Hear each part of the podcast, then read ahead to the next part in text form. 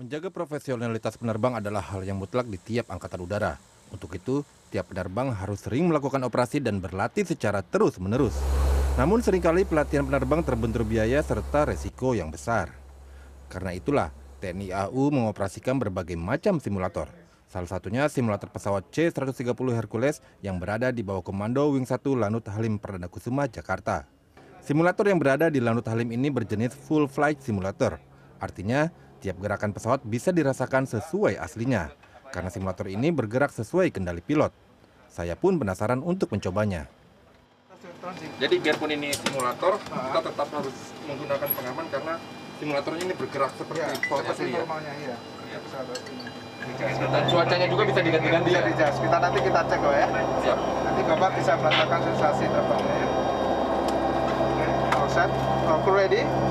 Ready ya? Siap, siap. Bapak ini seolah-olah kita akan terbang. Oke, Ini adalah powernya. powernya. Ini adalah untuk terbang kiri kanannya. Oke. Oke Bapak, gamnya di bawah. Nanti ikutin gimana terbang. Ini bukan rem gas ya, bukan ya? Ya ini buat bisa nge-brake juga.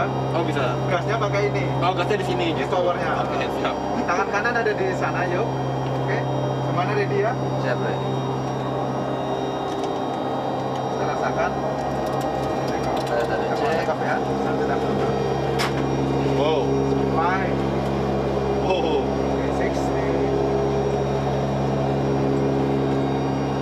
60. 70. Ini getarannya terasa seperti pesawat sungguhan ya. Walaupun ada cuaca buruk ini begitu ya, sama ya? Sama.